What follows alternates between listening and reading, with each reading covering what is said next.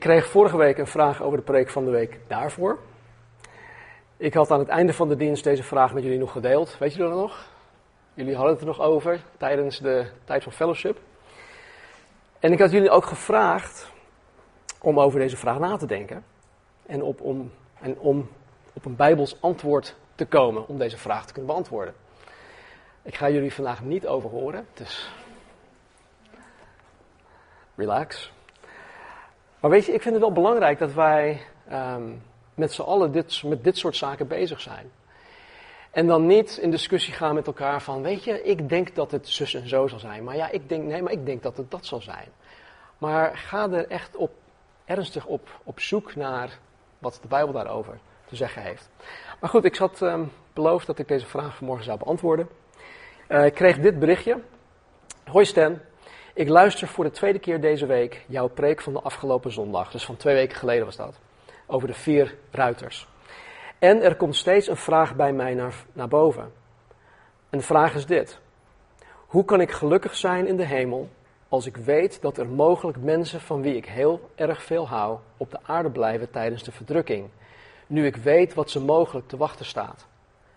Misschien een lastige vraag, maar je zei dat we bij vragen altijd contact konden opnemen. Dus vandaar. Heel goed, blijf dat alsjeblieft ook doen. Een, een pittige preek, maar leerzaam. Nou, ten eerste wil ik je danken voor de vraag. Het geeft aan dat je uh, Gods woord ook serieus neemt. En dat je met zaken bezig bent dat, hè, van, van eeuwigheidswaarde. Dingen die eeuwig, eeuwigheidswaarde hebben. Het geeft ook aan dat je begaan bent met het lot van de mensen die achterblijven. Die dus niet opgenomen gaan worden. Nou, als eerste wil ik zeggen dat het voor ons, voor ons aan, aan deze kant van de eeuwigheid, onmogelijk is om een voorstelling te krijgen van hoe het voor ons straks in de hemel zal zijn. Het is gewoon onmogelijk als beperkt mens de eeuwige dingen te bevatten. dus dat, dat voorop. Maar juist daarom, omdat wij die capaciteit niet hebben, hebben wij het woord van God, de Bijbel, gekregen.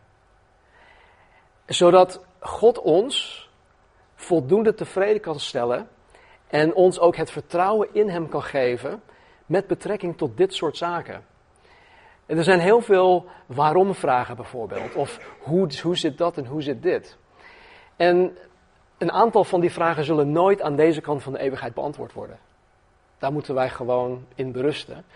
Maar op deze specifieke vraag geeft God ons wel een antwoord. Yes, gelukkig. Ik zal het uh, voorlezen. In uh, Jesaja, dit is uit de Willybroers vertaling. Jesaja 65, 17 tot 19. Zie, ik schep een nieuwe hemel en een nieuwe aarde. En aan wat vroeger geweest is, wordt niet meer gedacht. Het komt niet meer in de gedachten op. Ik ga vreugde voor u scheppen en vrolijkheid voor altijd. Jeruzalem wordt door mij herschapen in een stad vol vrolijkheid, met een bevolking vol blijdschap. Dan zal ik juichen om Jeruzalem en mij verblijden om mijn volk. Geween en gekerm worden er niet meer gehoord. Dus dat is één. God gaat een nieuwe hemel en een nieuwe aarde scheppen. Dat zie je ook aan het einde van de openbaring. Wanneer dat gebeurt, wanneer wij eigenlijk al in de eeuwigheid zijn, zal datgene dat vroeger geweest is niet meer aan worden gedacht. Hoe dat gebeurt, heb ik geen flauw idee. Hoe God dat allemaal in ons zal bewerkstelligen, daarop moeten we echt wachten totdat dat gebeurt. Maar dat het zal gebeuren, staat hier dus heel duidelijk. In Psalm, uh, Psalm 16, vers 11 staat dit. Overvloed van blijdschap is bij uw aangezicht. Oftewel, overvloed van blijdschap is in Gods aanwezigheid. In het Engels staat er: In your presence is fullness of joy. Dus waar, waar God is, is overvloed van blijdschap. Nogmaals, alhoewel wij nu als beperkte schepselen het oneindige, het eeuwige niet kunnen bevatten, kunnen wij wel vertrouwen hebben op het woord van God. En als God hier zegt dat het zo zal zijn, dan moet ik als, als ja, beperkt mens, als christen, daar, uh, dan, dan moet dat voor mij genoeg zijn.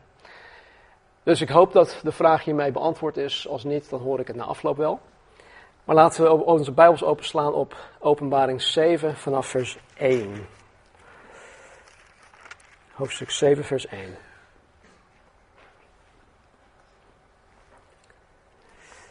Hierna zag ik vier engelen staan op de vier hoeken van de aarde.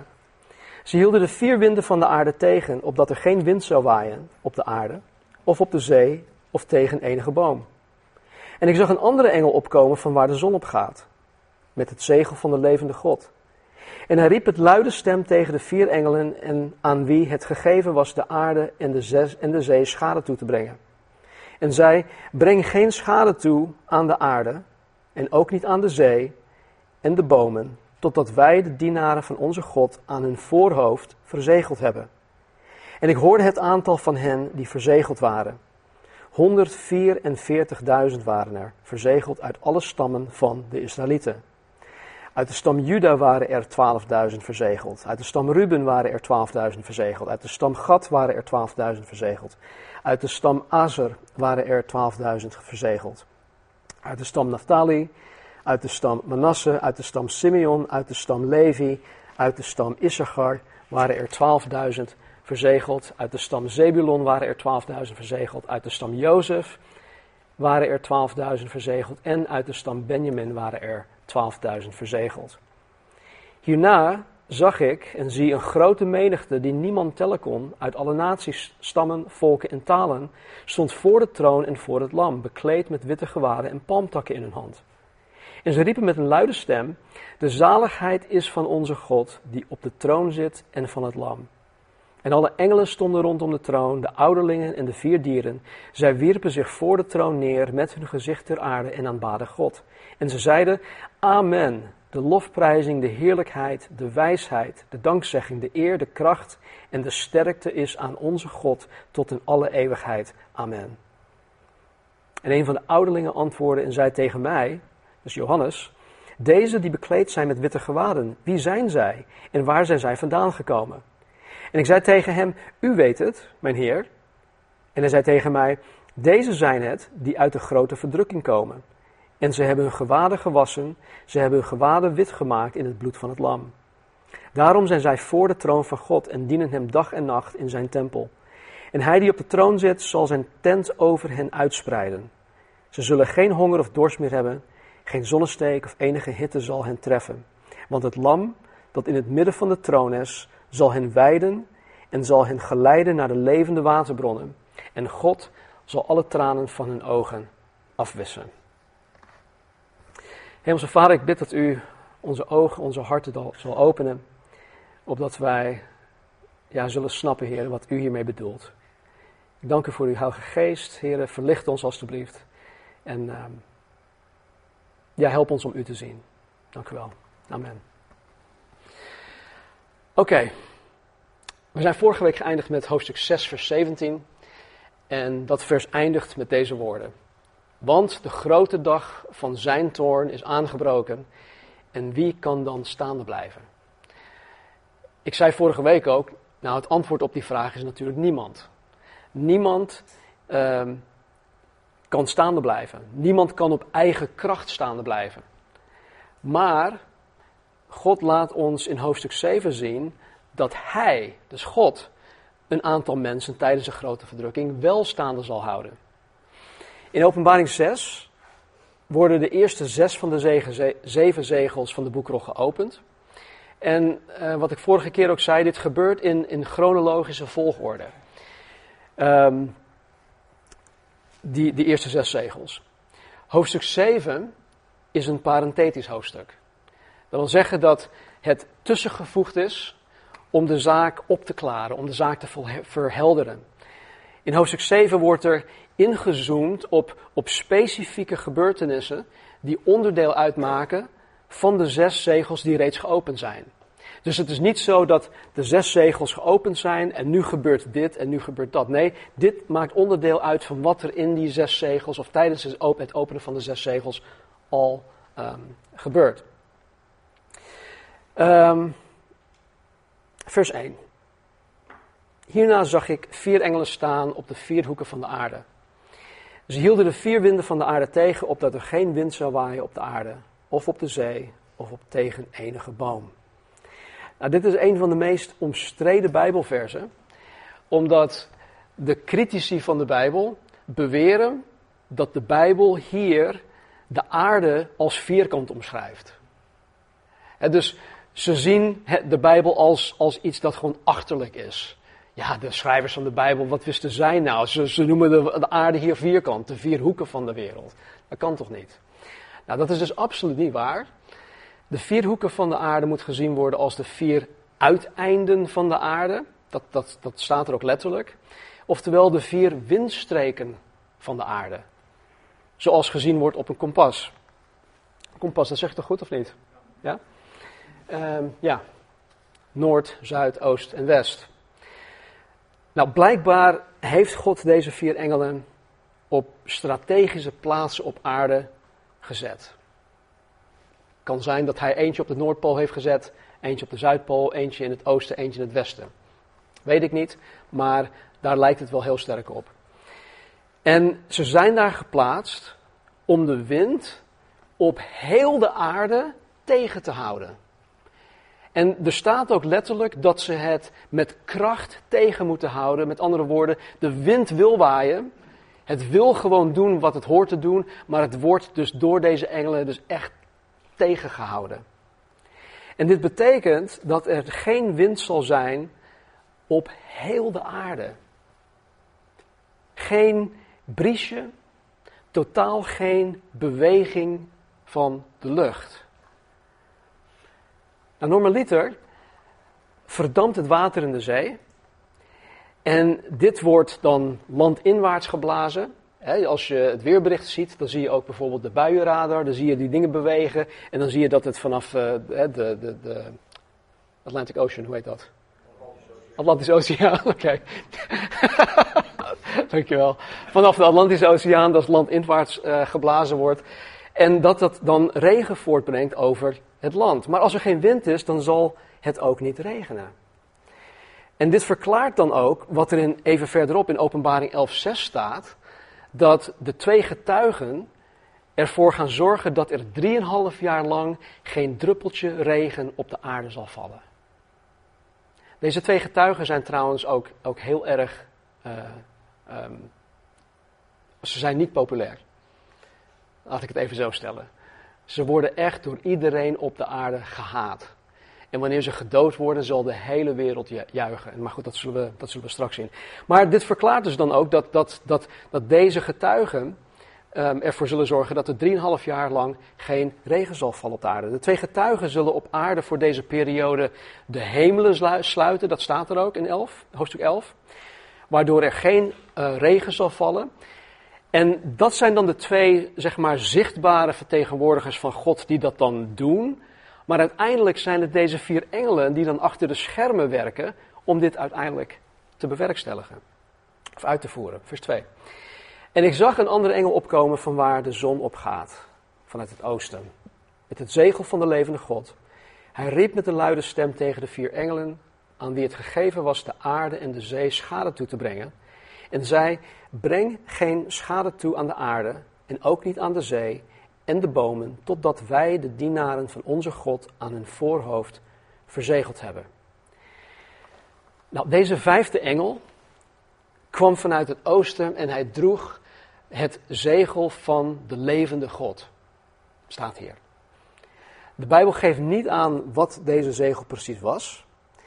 Maar het was in de Bijbeltijden wel gebruikelijk om iets of iemand te verzegelen, om de eigendom van iets of iemand aan te geven. Mensen tatoeëerden bijvoorbeeld de logo's of de tekens van hun afgoden op hun lichamen om aan te geven dat zij tot die afgod of tot die afgod behoorden. Dat zie je vandaag de dag nog steeds. Mensen vooral uit uh, de provincie Zuid-Holland uh, richting de haven, uh, zie je dat ze 010 op hun lichaam hebben getatoeëerd, omdat zij tot die afgod behoren.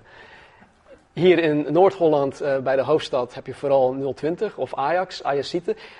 dus dat waren dat soort dingen. Mensen wilden, wilden zich identificeren bij of met een bepaalde afgod. En dat lieten ze dus zien door zichzelf te verzegelen of door zichzelf een merkteken te geven. Nou, ik geloof dat in het geval van deze vijfde engel het zegel van de levende God in ieder geval aangaf dat hij de levende God van de Bijbel toebehoorde. En dat hij tegelijkertijd ook volmacht van God, van God gekregen had om te doen wat hij moest doen hier op aarde. En deze engel gaf de opdracht aan de vier andere engelen, die de wind tegen zullen houden, om nog even te wachten. Wacht nog even met het, met het terughouden van de wind, want wij moeten de dienaren, de doulos, de slaven van God aan hun voorhoofden verzegelen.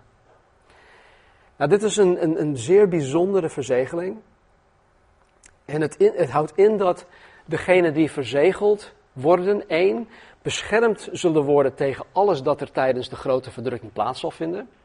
Dus alle zes zegels die tot nu toe geopend zijn, alles wat er nog aan zit te komen, ook uh, alles wat de antichrist zal gaan doen, zij zullen daarvoor beschermd worden. En dat ze tegelijkertijd ook bekrachtigd zullen worden om tijdens de grote verdrukking Gods werk hier op aarde te gaan verrichten. Deze vorm van verzegeling uh, of bescherming, eigenlijk deze bescherming, is, is, is, um, is niet iets nieuws. God heeft dit al eerder gedaan. Niet per se met 144.000 mensen, maar met anderen. Bijvoorbeeld dit. Om te voorkomen dat iemand Kain zou doden, had God Kain in Genesis 4 verzegeld met een merkteken. Weet jullie dat nog? Genesis 4. Hij werd verbannen en hij vroeg aan God: Ja, maar hallo, als mensen weten dat ik mijn broer gedood heb, ja, dan gaan ze mij vermoorden. Oké, okay, Kain, rustig aan, ik zal jou verzegelen. Je zal een merkteken krijgen op je voorhoofd, niemand zal je aanraken. Dus dat is één. Toen God de tien plagen over Egypte uitstortte, had God in elk geval het volk Israël beschermd en bespaard. De verzegeling bijvoorbeeld, de, laatste um, um, plaag.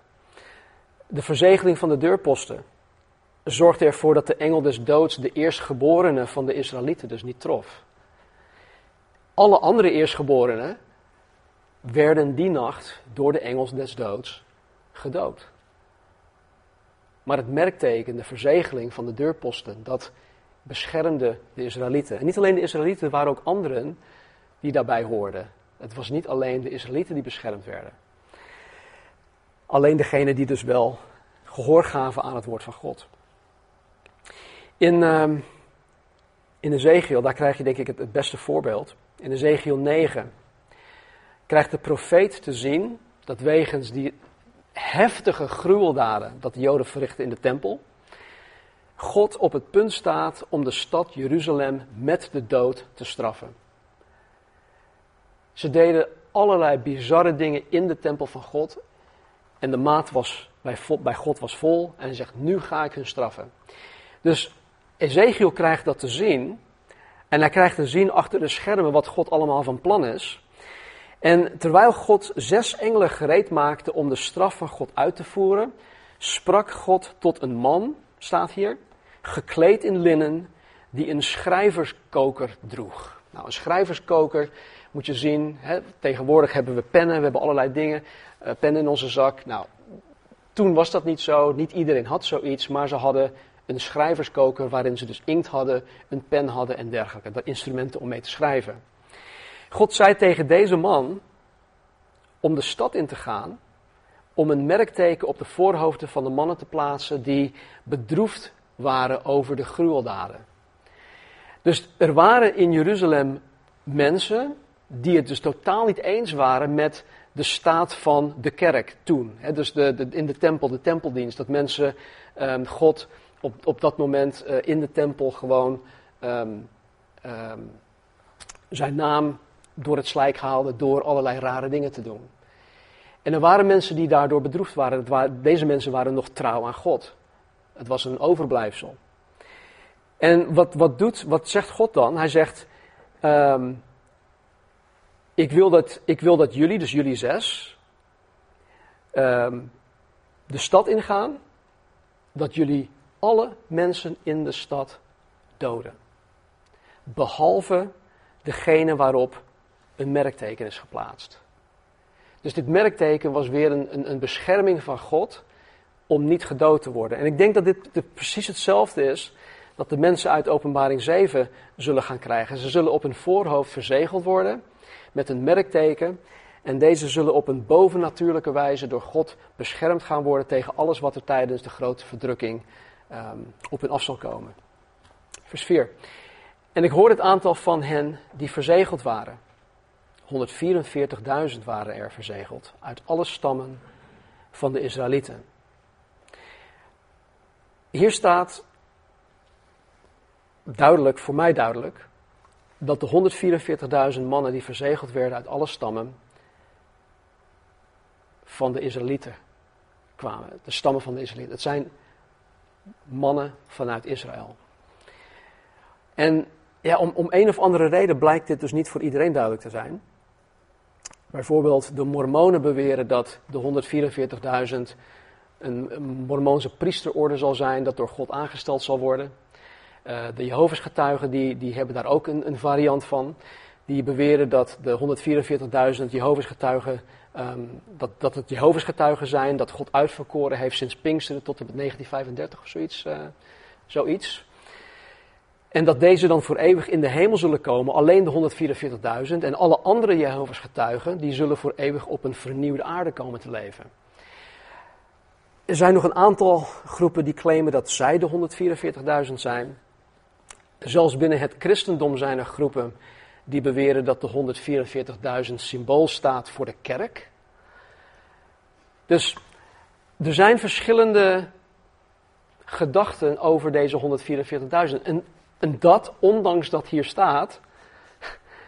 En ik hoorde het aantal van hen die verzegeld waren, 144.000 waren er verzegeld uit alle stammen van de Israëlieten. Dat lijkt mij best wel duidelijk. Maar goed, wie ben ik? Um, als het nog niet duidelijk is, dan zegt God dit.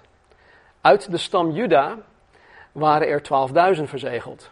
Uit de stam Ruben waren er 12.000 verzegeld. Uit de stam Gad waren er 12.000 verzegeld. En ga ze maar door. Uit alle 12 stammen werden er 12.000 mannen verzegeld. 12 stammen, 12.000, 144.000 opgeteld bij elkaar.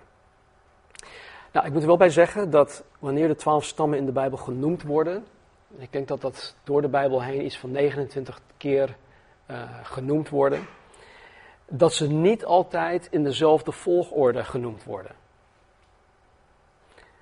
Hier in deze lijst wordt Juda bijvoorbeeld als eerste genoemd, terwijl Juda niet de oudste was. Ruben was de oudste. Ook wordt Jozef genoemd in plaats van Ephraim. Ook wordt Levi genoemd die normaliter niet genoemd wordt. En, en dan wordt in deze lijst helemaal niet genoemd. Nou, nu weten we niet precies waarom de twaalf stammen hier op deze volgorde dus genoemd worden. Er zijn ook verschillende redenen mogelijk, maar dat is voor u, voor, voor nu, voor deze studie niet relevant, dus daar ga ik, niet, ga ik het niet over hebben. Maar wat wel relevant is, vind ik, is dat deze 144.000 Joden door God gebruikt gaan worden om tijdens de grote verdrukking het evangelie te gaan verkondigen. Dat is hun taak. Dit zijn als het ware, en misschien klinkt het heel oneerbiedig, maar dit zijn als het ware Gods commando's. Het, het, ten eerste zijn het Joden. Joden die hebben nou eenmaal een, een, een mate van, van lef. Van, uh, vrijmoedigheid, van doorzettingsvermogen. Come on, welk ander volk kennen wij hier op aarde die 2000 jaar lang hun, hun, hun, hun, hun thuisbasis kwijtgeraakt zijn, die dus overal in de wereld neergezet zijn en nu weer een thuisbasis hebben en nog steeds het Joods volk zijn. Er is geen enkel ander volk of volkgroep hier op aarde die dat kan zeggen.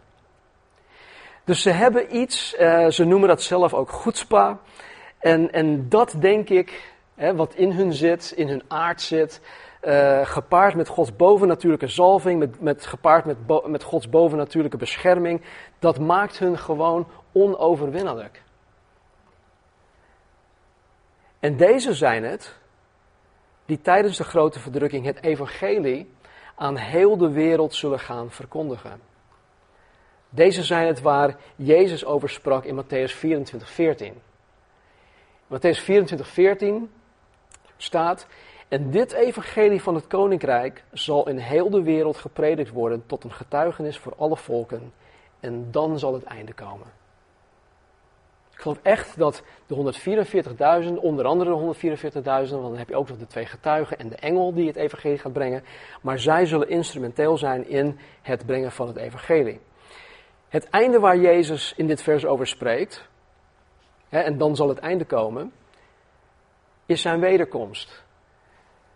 En in het middel, uh, en het middel dat God zal gaan gebruiken is, uh, om, om het evangelie te prediken, is dan is onder andere de 144.000. De 144.000 verzegelde Joden zullen na de opname van de kerk tot geloof komen in hun, in hun Messias. Ze zullen, geloof, ze zullen gaan geloven dat Jezus hun Messias is. Ze geloven dat nu niet, maar blijkbaar zullen deze 144.000 na de opname van de kerk tot geloof gaan komen in Jezus Christus. En vervolgens zal God hun verzegelen. Het kan heel goed zijn dat deze 144.000 meer mensen tot geloof zullen gaan leiden dan dat de kerk het in de afgelopen 2000 jaar heeft gedaan. Ik kan het niet hard maken natuurlijk, maar ze zullen veel meer impact hebben op de wereld dan dat wij het nu hebben. En ik denk dat we in vers 9 en 10, of vanaf dat stuk, de vrucht van hun bediening zullen zien. Vers 9 en 10. Hierna zag ik en zie een grote menigte die niemand tellen kon. Uit alle naties, stammen, volken en talen. Stond voor de troon en voor het lam, bekleed met witte gewaden en palmtakken in hun hand. En ze riepen met een luide stem: De zaligheid is van onze God, die op de troon zit en van het lam. Johannes ziet hier in hoofdstuk 7 dezelfde groep mensen dat hij in hoofdstuk 6, 9 tot 11 zag. Bij het verbreken van de vijfde zegel. En het is niet zo dat zij eh, ontelbaar waren, in de zin dat, het, dat ze gewoon niet te tellen waren. Maar in de grondtekst staat dat het te veel mensen waren om door één persoon geteld te worden. Het is gewoon te veel mensen. En de respons op wat God en Jezus voor hun gedaan heeft, is lofprijs en aanbidding. Het enige wat uit hun, spontaan uit hun hart komt, uit hun hart vloeit, is dat zij God, dat zij Jezus gaan loven en prijzen. En ik denk dat dit, dit is trouwens altijd uh, het gevolg wanneer iemand echt tot redding en tot verlossing komt. Ik denk niet dat een, een aanwinningsbiddingsleider bijvoorbeeld, dat wij uh, jullie moeten gaan overtuigen om God te loven en te prijzen. Dan zijn we echt verkeerd bezig. Natuurlijk hebben we een steuntje in de rug nodig. Natuurlijk moeten we uh, ja, ons misschien uh, uh, op Jezus richten van, ja, ik ben zo, alle, mijn zicht is wazig geworden door de week die ik heb gehad, ik zie het niet meer zitten, enzovoort, enzovoort. Dus laat ik nu even alles op scherp zetten, ik wil nu op Jezus gaan focussen. Nou, daartoe dient een, een aanbiddingsleider.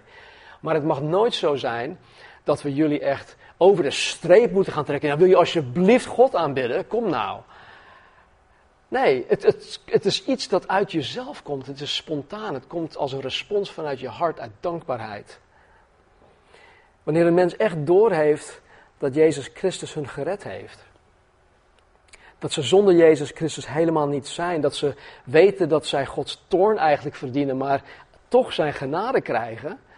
Dan kan een mens zich alleen maar in lofprijs en aanbidding uiten. En dit zien wij bij elke groep hier in openbaring dat voor de troon van God komt te staan. Maar weet je, dit, begint, dit proces begint nu al, hè, hier op aarde. Dit begint nu bij ons al. Ik heb eigenlijk, um, dit klinkt misschien raar, maar ik heb, als ik alleen ben, als ik of aan de wandel ben, of als ik uh, thuis alleen in mijn kantoortje opgesloten ben, dan heb ik soms de, de gaafste momenten van lofprijs en aanbidding. Uh, dan, ik ben bijvoorbeeld met een preekvoorbereiding bezig en dan zie ik iets en het, het enige wat in me opkomt is van, Heer, dank u wel. En ik denk dat dat ook de, de, de zuiverste manier van lofprijs en aanbidding is. Dat dat gewoon een, een, een, ja, vanuit je, een respons is vanuit je hart aan God wie Hij is. Nou, de laatste keer dat mensen palmtakken in hun handen hadden, toen ze Jezus dus zagen, was bij de intocht in Jeruzalem. En de mensen hulden Jezus daar als koning. Maar wat gebeurde er? De religieuze leiders wezen hem af.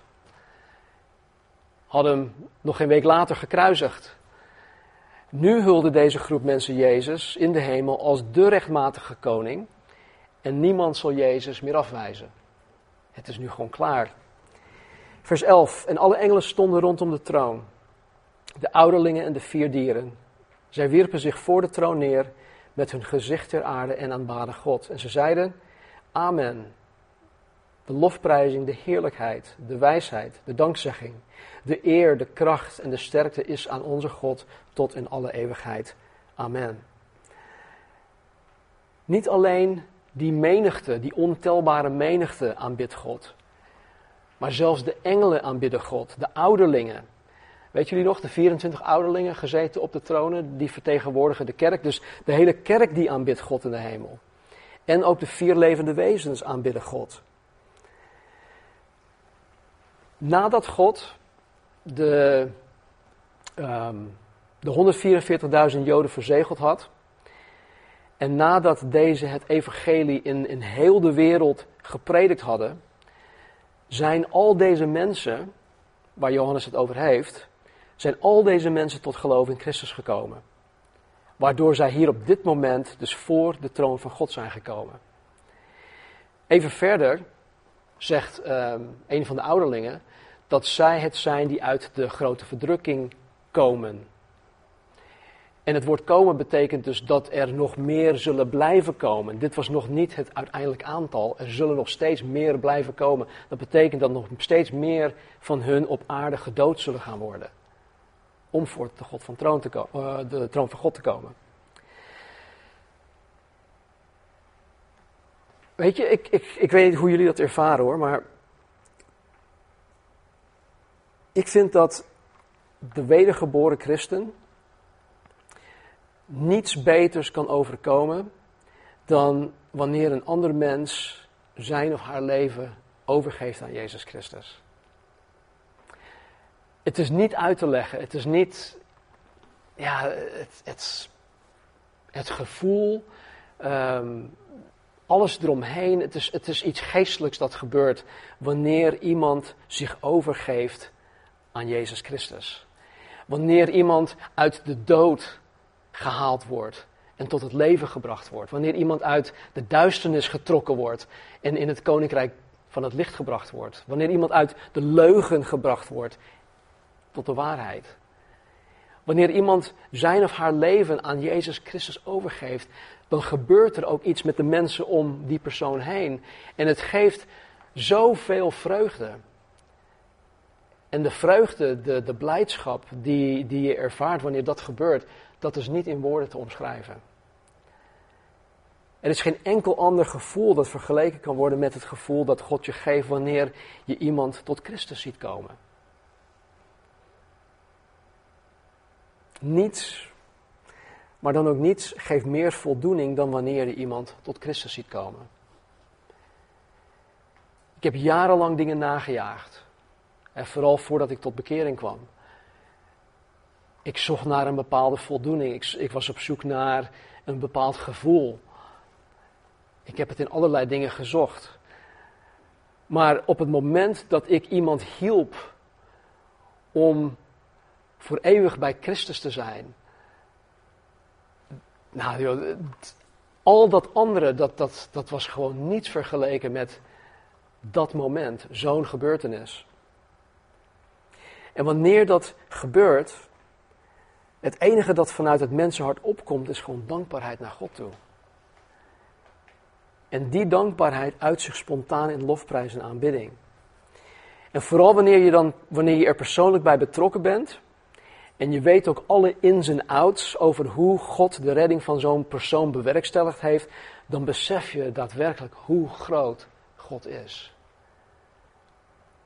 En daarom wierp deze hemelse massa, engelen en de kerk zich voor de troon van God neer en zeiden: De lofprijzing, de heerlijkheid, de wijsheid, de dankzegging, de eer, de kracht, de sterkte is aan onze God tot in alle eeuwigheid. Amen. Ze zeiden dit op respons, uh, als respons op de, de, de massa mensen die uit de verdrukking zijn gekomen, die tot geloof zijn gekomen.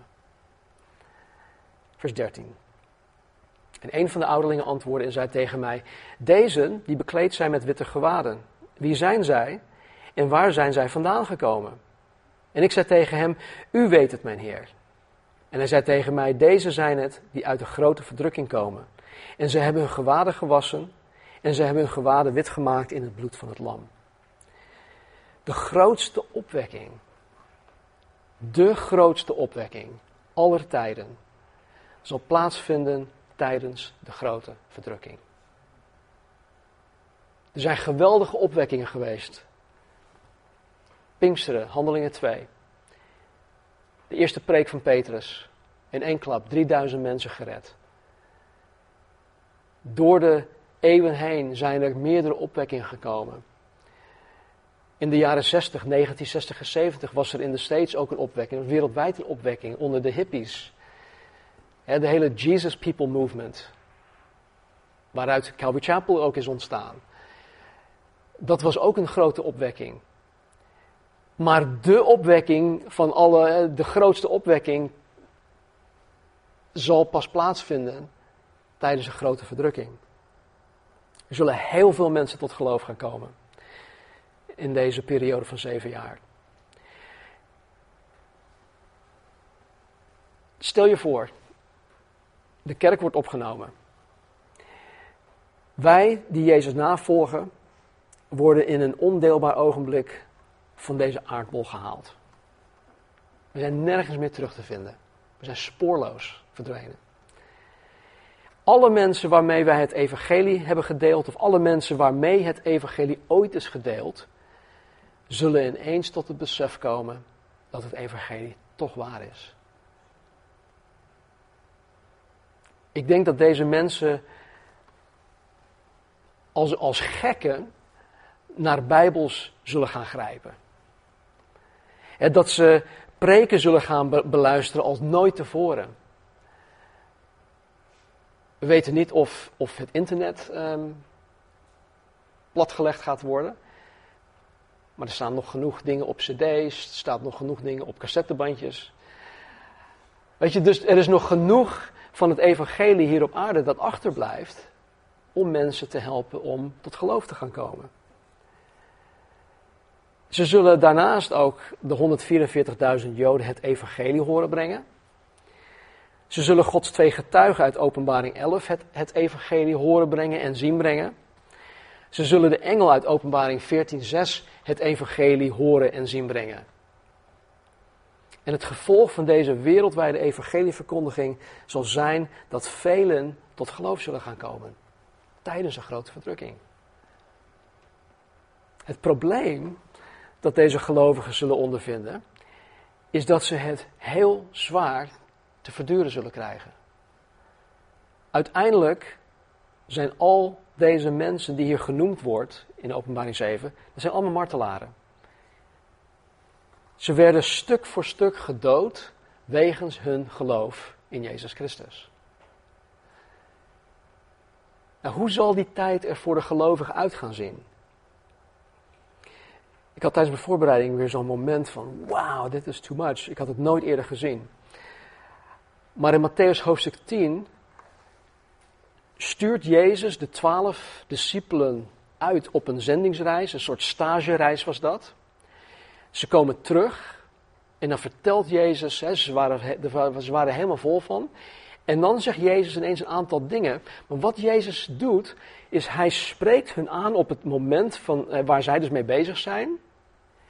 En ineens lijkt het alsof Jezus uh, sprongen maakt van duizenden jaren naar de toekomst. En dan zegt hij dit. Matthäus 10, vers 21. De ene broer zal de andere broer overleveren om gedood te worden. En de vader het kind. En de kinderen zullen tegen de ouders opstaan en hen doden. En u zult door allen gehaat worden omwille van mijn naam. Maar wie volharden zal tot het einde, nee, maar wie volharden zal tot het einde, die zal zalig worden. Wanneer ze u in de ene stad vervolgen, vlucht dan naar de andere. Want voorwaar, ik zeg u, u zult uw rondgang door de steden van Israël niet geëindigd hebben voordat de zoon des mensen gekomen is. Het voordat de zoon des mensen gekomen is, hij spreekt hier over zijn wederkomst. Dus Jezus maakt in, het is echt weer zo'n profetisch iets. Hè? De profeten die doen het altijd, of regelmatig. En Jezus doet dat, doet dat hier dan ook. Hij spreekt tot zijn discipelen op dat moment, in die context. En ineens springt hij gewoon 2000, misschien wel 2500 jaar vooruit. En zegt dit. Dus hoe zal het eruit zien? Nou, wat ik net gelezen heb. De ene broer zal de andere broer overleveren om gedood te worden. Vader zal kind en kinderen zullen tegen de ouders opstaan om hen te doden. Dat is toch niet te bevatten hoe dat zal zijn? Mensen die jij, die jij dan eh, ja, eventueel zou, zou, zou kunnen vertrouwen, die zijn niet meer te vertrouwen. Mensen waarvan je dacht, oh joh, dat is mijn beste vriend, dat is mijn beste broer. Nee, zelfs je ouders niet. Zelfs je kinderen niet. Niet te bevatten. Jezus geeft hier aan hoe het er aan toe zal gaan in de periode voor zijn wederkomst. De periode van de grote verdrukking. Vers 15. Daarom zijn zij voor de troon van God. Deze mensen die uit de grote verdrukking komen. En dienen hem dag en nacht in zijn tempel. En hij die op de troon zit, zal zijn tent over hen uitspreiden. Ze zullen geen honger of dorst meer hebben, geen zonnesteek of enige hitte zal hen treffen. Even een paar dingetjes. In de eeuwigheid, nadat de nieuwe hemel en aarde gekomen is, dus openbaring 22, zal er geen dag en nacht meer zijn. Het zal gewoon altijd dag zijn. Ook zal er geen tempel zijn. Maar volgens Ezekiel 43 zal er wel een tempel zijn tijdens het duizendjarig vrederijk. En het, is, kan, het kan dus zijn dat deze gelovigen die uit de grote verdrukking komen, de Here op een bijzondere wijze in zijn tempel zullen gaan dienen tijdens het duizendjarig vrederijk. Het allermooiste van dit, vind ik, is dat God zijn tent over hen zal spreiden. En dit betekent simpelweg dat God zelf gemeenschap, dat hij fellowship met hun zal onderhouden. Precies dezelfde Griekse woorden worden gebruikt in Johannes hoofdstuk 1, het evangelie van Johannes. Johannes heeft over het woord, het woord was met God, het woord was God. Dan heeft hij op, op een gegeven moment in vers 15 staat er, en het woord is, um, hoe staat het er? Het woord is met ons uh, geweest, of het, het woord is, is onder ons of heeft onder ons getabernakeld. En dat betekent dat, dat God zelf in de persoon Jezus Christus onder de mensen heeft geleefd en gewoond. Getabernakeld, heeft zijn tent uitgespreid onder de mensen. En dat is eigenlijk hetzelfde idee dat uh, wat God hier dus ons laat zien, hoe, zij, hoe God met deze mensen om zal gaan. Ook zullen deze mensen verlost worden van de honger en de dorst en de zonnesteek en de hitte dat ze tijdens de grote verdrukking hebben moeten verduren. We gaan nog meer zien hoe, hoe, hoe erg het zal zijn. En deze mensen hebben dit allemaal te verduren. En het is denk ik een, een geweldige uh, geruststelling voor hun. Dat ja, ze hebben dit, ze moeten dit verduren maar hun toekomst ziet er goed uit. Want vers 17, het lam dat in het midden van de troon is, zal hen wijden en zal hen geleiden naar de levende waterbronnen. En God zal alle tranen van hun ogen afwissen. Er zal tijdens de grote verdrukking, verdrukking een gigantisch tekort aan schoon en fris of verfrissend water zijn. En het is vooral voor deze gelovigen die uit de grote verdrukking komen, dus een, een heerlijke belofte dat Jezus hen zal leiden naar levende waterbronnen. Wij hebben het makkelijk hier in Nederland, hè? Laat, laten we het echt voorop stellen.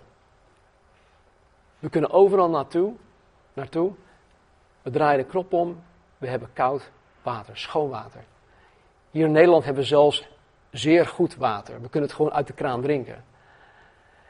Dat is echt een luxe. Ik denk dat we dat allemaal voor, voor lief nemen, maar dat is echt een luxe hier op aarde. Er zijn zoveel landen die dat gewoon niet hebben. Zelfs in de VS, ik zou daar nooit water drinken uit de kraan. En ze zeggen ook, als je vanuit de VS toe gaat en je gaat naar Mexico toe, don't drink the water. Het eerste wat ze zeggen. Dus schoon water is echt een, een, een luxe. Het is iets dat, dat, dat, dat zo bijzonder is hier op aarde. En vooral in de, in de, tijdens een grote verdrukking zal er nog een, grootse, een grotere schaarste zijn aan, aan, aan, aan schoon water. Maar er staat er in openbaring 22.1 en hij liet mij een zuivere rivier zien van het water des levens, helder als kristal, die uit de troon van God en van het lam kwam. Nogmaals, we weten niet hoe dat zal gebeuren, maar God zelf zal ervoor zorgen dat er altijd um, levend water, helder als kristal, vanuit de troon van God zal komen, of zal vloeien. En er staat zelfs iets verderop dat deze rivier de hele aarde zal bewateren. God zelf zal alle tranen van hun ogen afwissen, staat hier. En dat betekent dus niet dat er in de hemel, in, dat er in de hemel tranen zullen zijn, want sommige mensen denken dat ook. Oh, dus je komt naar de hemel toe, dan ga je huilen en God zal daar je tranen wissen. Nee, het betekent dat de tranen die in dit leven zijn gevloeid voor eeuwig vergeten zullen zijn. Deze gelovigen die uit de verdrukking komen, hebben een geweldige toekomst. Echt. Maar de weg naar hun toekomst zal verschrikkelijk zijn. Ik denk dat als iemand van tevoren zou weten hoe gruwelijk en hoe verschrikkelijk die weg zou zijn, zou hij of zij er niet bewust voor kiezen. Marlene, ik heb het voorrecht gehad, of heb het nog steeds, om vier dochters groot te brengen. Nu, nu wat kleinkinderen. En we hebben van kleins af aan altijd ja, dingen, uh, we hebben hun dingen bijgebracht. En uh, we hebben hun voor bepaalde dingen gewaarschuwd. Doe dat nou alsjeblieft niet, want dit zijn de gevolgen. Nou, mens eigen, ze willen het zelf ondervinden. Dus ze hebben gewoon niet geluisterd naar bepaalde adviezen die wij hun door de jaren heen hebben gegeven. En nu uh, zitten ze met, of sommigen zitten dan met, met de blaren of de gebakken peren, hoe zeg je dat? Ja? En, en um, nu hebben ze dus berouw, nu hebben ze, dus, hebben ze er dus spijt van dat ze niet naar pa ma hebben geluisterd. En als ik hun nu dus vraag, en dit soort gesprekken hebben wij wel. Als jij dus toen wist wat er nu zou gebeuren, had jij andere keuzes gemaakt? Ja, natuurlijk pa. Natuurlijk, dan had ik dit niet gedaan, dat niet gedaan. En het, hetzelfde geldt hier ook, hè, met, met, met deze mensen.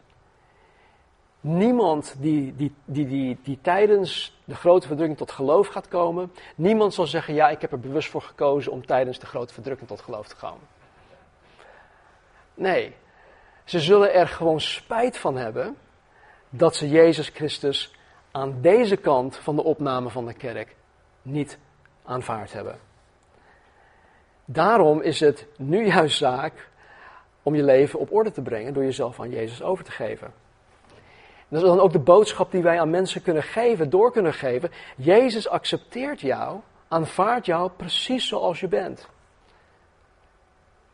En vervolgens gaat Jezus met jou aan de slag om je leven op orde, op orde te krijgen. Velen denken dat ze eerst alles op een rijtje moeten hebben voordat ze überhaupt bij God aan kunnen kloppen. En maar dat is echt een leugen van de Satan, want Satan wil je alleen maar tegenhouden, want hij weet toch dat je nooit alles op een rijtje zal krijgen. In het Engels zeggen we, Jesus cleans his fish after he catches them. Is, het maakt niet uit wie je bent, en dat moet ook onze boodschap zijn naar de mensen om ons heen. Het maakt niet uit wie je bent, wat je gedaan hebt, kom gewoon. En God gaat verder met jou. Hij gaat met jou aan de slag. God houdt onvoorwaardelijk van ons, van mensen. En weet je, misschien zelfs nu op dit moment, hè, waar je nu in zit, de, waar je nu doorheen gaat, misschien heb je ook reden om, om tranen te laten vloeien. Laten we eerlijk zijn, het leven is nou eenmaal niet makkelijk. We hebben allemaal dingen waar, wat ons, wat ons ehm, verdriet veroorzaken of, of geven. Maar God weet het. En God wil ons ja, daarin juist tegemoet komen. God weet waar wij dagelijks mee te maken hebben. Er is een lied die wij, uh, die wij soms ook zingen. En in een van die regels in het lied staat: Hij kent jouw stil verdriet. En dat is echt zo. God kent ons verdriet. Hij kent ons stil verdriet. En ik geloof echt dat Hij ons, dat Hij zelfs nu niet alleen later, maar zelfs nu ook onze tranen wil afwissen. Laten we een moment van gebed nemen. Zoals we het vorige keer ook hebben gedaan, gewoon om te bidden voor iemand die Jezus Christus nog niet navolgt. En dat we God gewoon vragen om die persoon naar Jezus toe te trekken, zodat ook die persoon samen met ons het eeuwige leven zullen hebben. Wanneer jullie klaar zijn, dan sluit ik het wel af.